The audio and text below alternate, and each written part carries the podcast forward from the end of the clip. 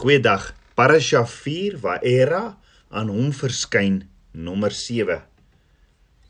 Toe Adam en Eva uit tuin Eden verbann is, het Abba Vader se engele by die ingang van die tuin gewaak. In Genesis 3 vers 24 staan: "So het hy, Jahweh, dan die mens weggedrywe en gerips aan die ooste kant van die tuin van Eden laat woon met die swaard wat vlam en flikker."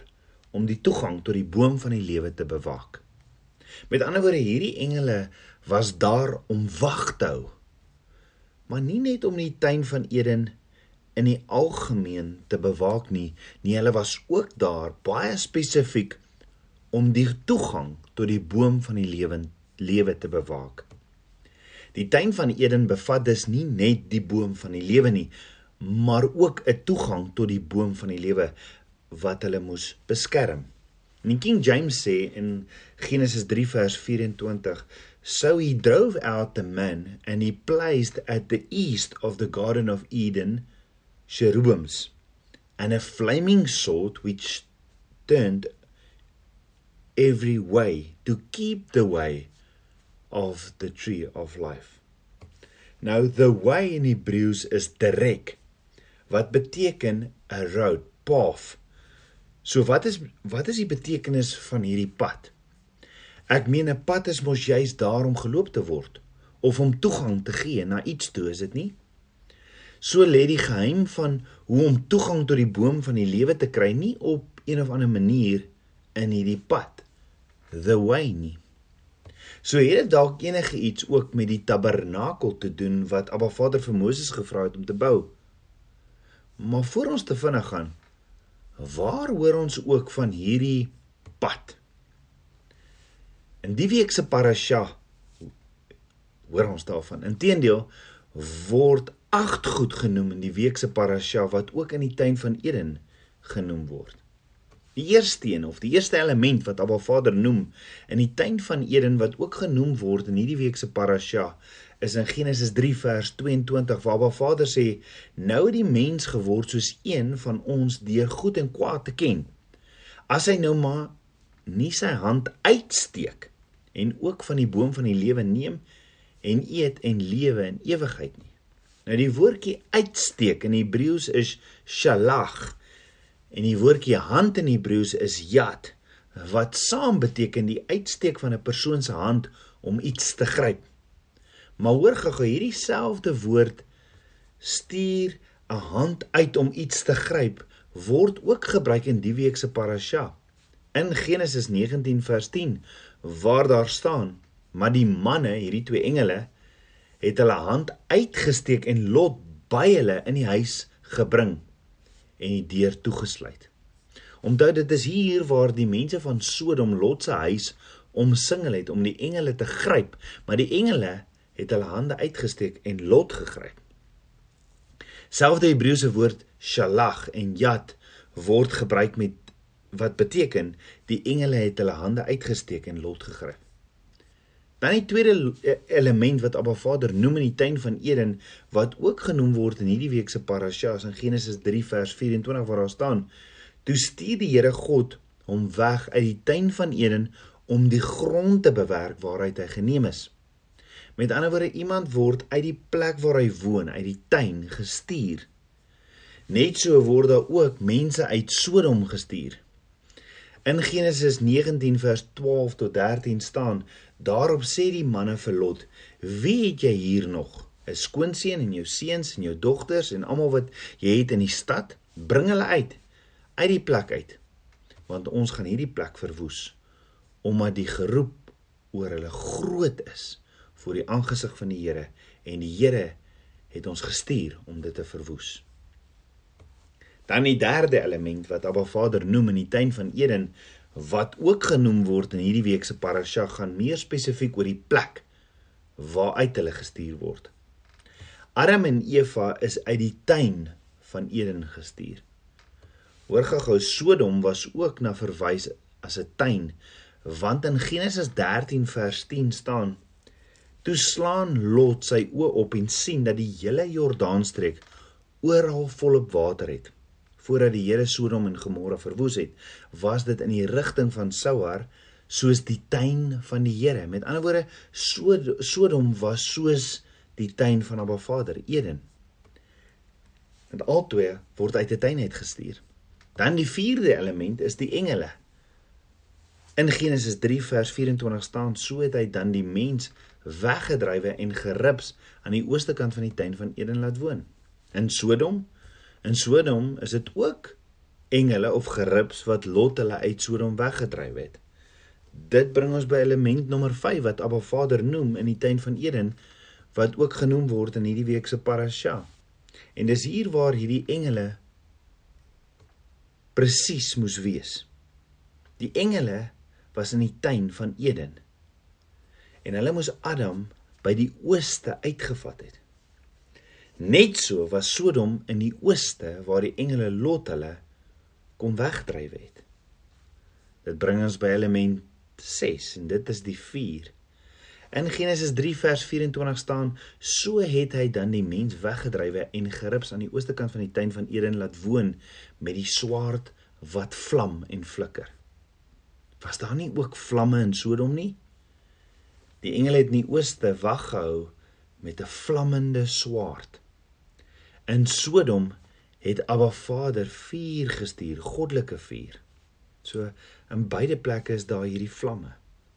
Dan element 7 is in Genesis 3 vers 24 in die King James waar daar staan so he drove out the man and he placed at the east of the garden of Eden cherubims and a flaming sword which stand every way to keep the way of the tree of life Nou die woordjie vir turned every way is mishpachet.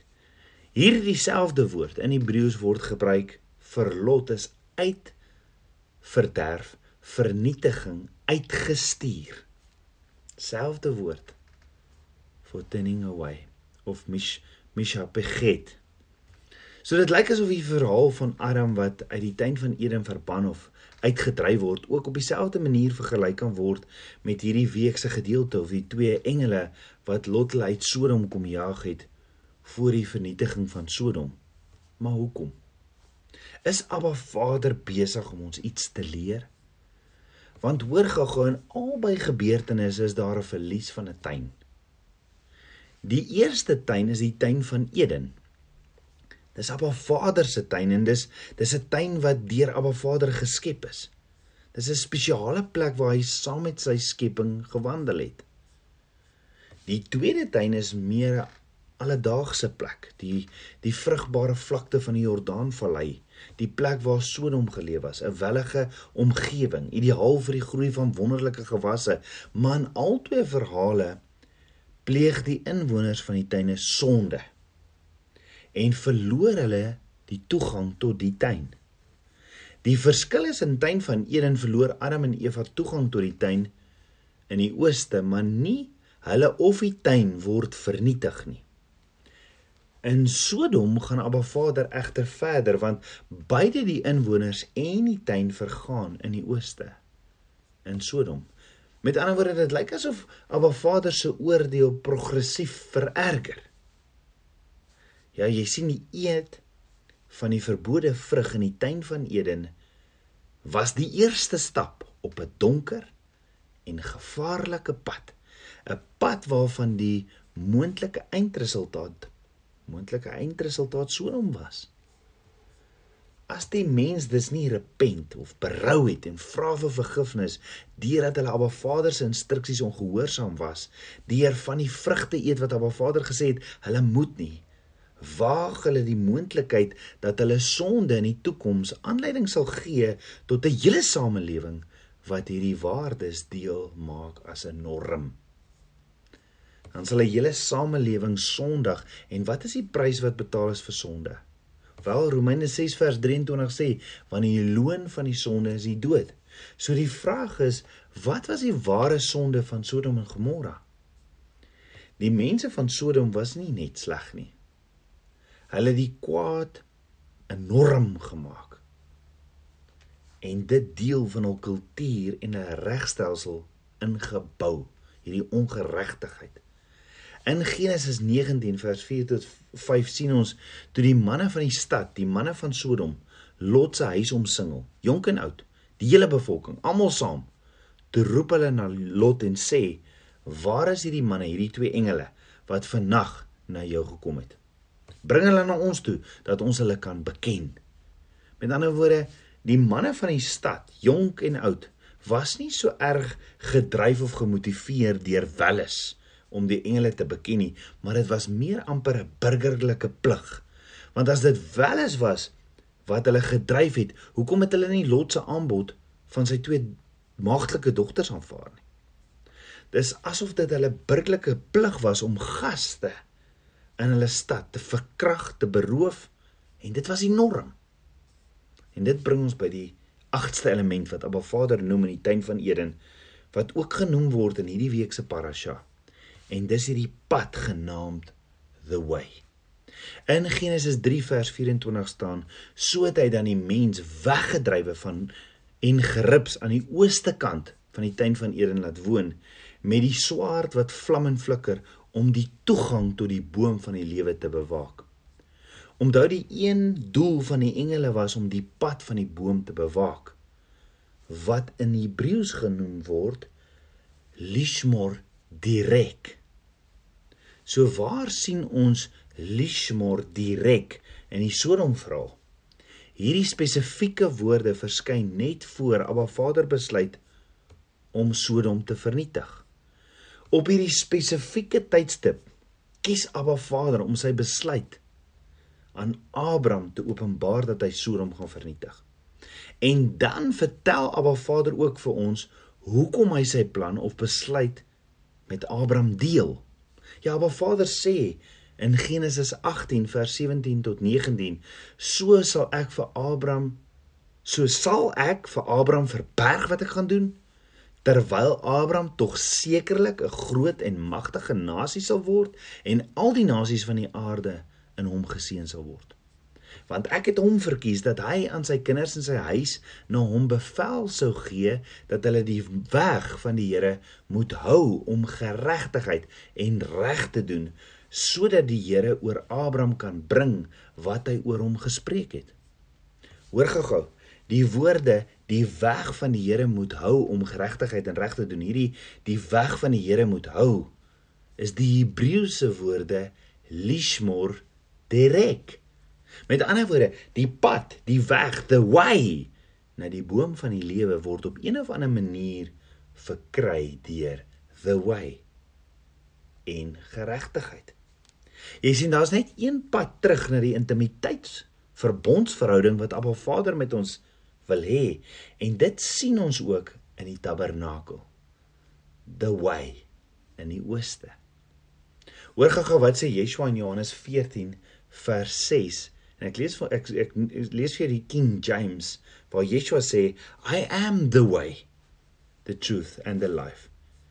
No man cometh unto the father but me Nou Yeshua is die weg. Yeshua is die pad en niemand kom na die Vader toe behalwe deur hom nie. Dit beteken nie ek en jy hoef nie meer geregtig te wees en Abba Vader se instruksies te gehoorsaam nie. Nee, hoor gou. Abba Vader sê hy het vir Abraham verkies dat Abraham aan sy kinders en sy huis na hom bevel sou gee dat hulle die weg van die Here moet hou om geregtigheid en reg te doen iets wat Lot mos nie reg gekry het nie.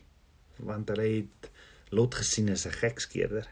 En die vraag is, hoekom sal mense vandag sê die blessings of die seëninge van van Abraham behoort ook aan hulle omdat hulle ingeënt is deurdat hulle in Yeshua glo, maar nie ook die opdrag aanneem om te leer en om hulle kinders te leer om op 'n Vader te shema, hear, listen en obey nie. So om terug te kom na 'n intieme verbondsverhouding wat nog altyd Abba Vader se hartsbegeerte is vir my en jou, is om Abba Vader te nader deur the way en om dan geregtig te wees. Sy woord te gehoorsaam.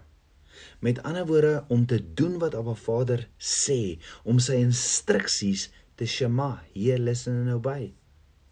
Laastens terug in die tuin van Eden. Adam het gaan wegkruip om nie met Abba Vader te praat nie weens sonde, weens ongeregtigheid. By Sodom kom praat Abba Vader met Abraham, want Abba Vader sê in Genesis 15 vers 6, Abraham het in die Here geglo en hy het hom dit tot geregtigheid gereken. Nou beteken dit dat Abraham geen sondes gehad het nie? Nee, glad nie. Dit beteken Abraham het nie met sondes wat nie bely, vergifnis voorgevra en waaroor daar nie berou was rondgeloop nie. En so loop ons die pad van die boom van die lewe. Yeshua is die weg, die waarheid en die lewe. Kom ons bid saam. Aba Vader, skepper van my hart, ek loof en prys U. Vader, my hart klop vir U. My hart brand vir U. Ek wil U nader en saam met U wandel in intimiteit. Ek wil U ken, ja daar in alles. Vader, vergewe my sondes, was my met die waterbad van U woord en kom leef in my. Meer en meer van U. Ek bid dit alles in Yeshua, Hamasieg se naam, die seun van Jahweh. Shalom.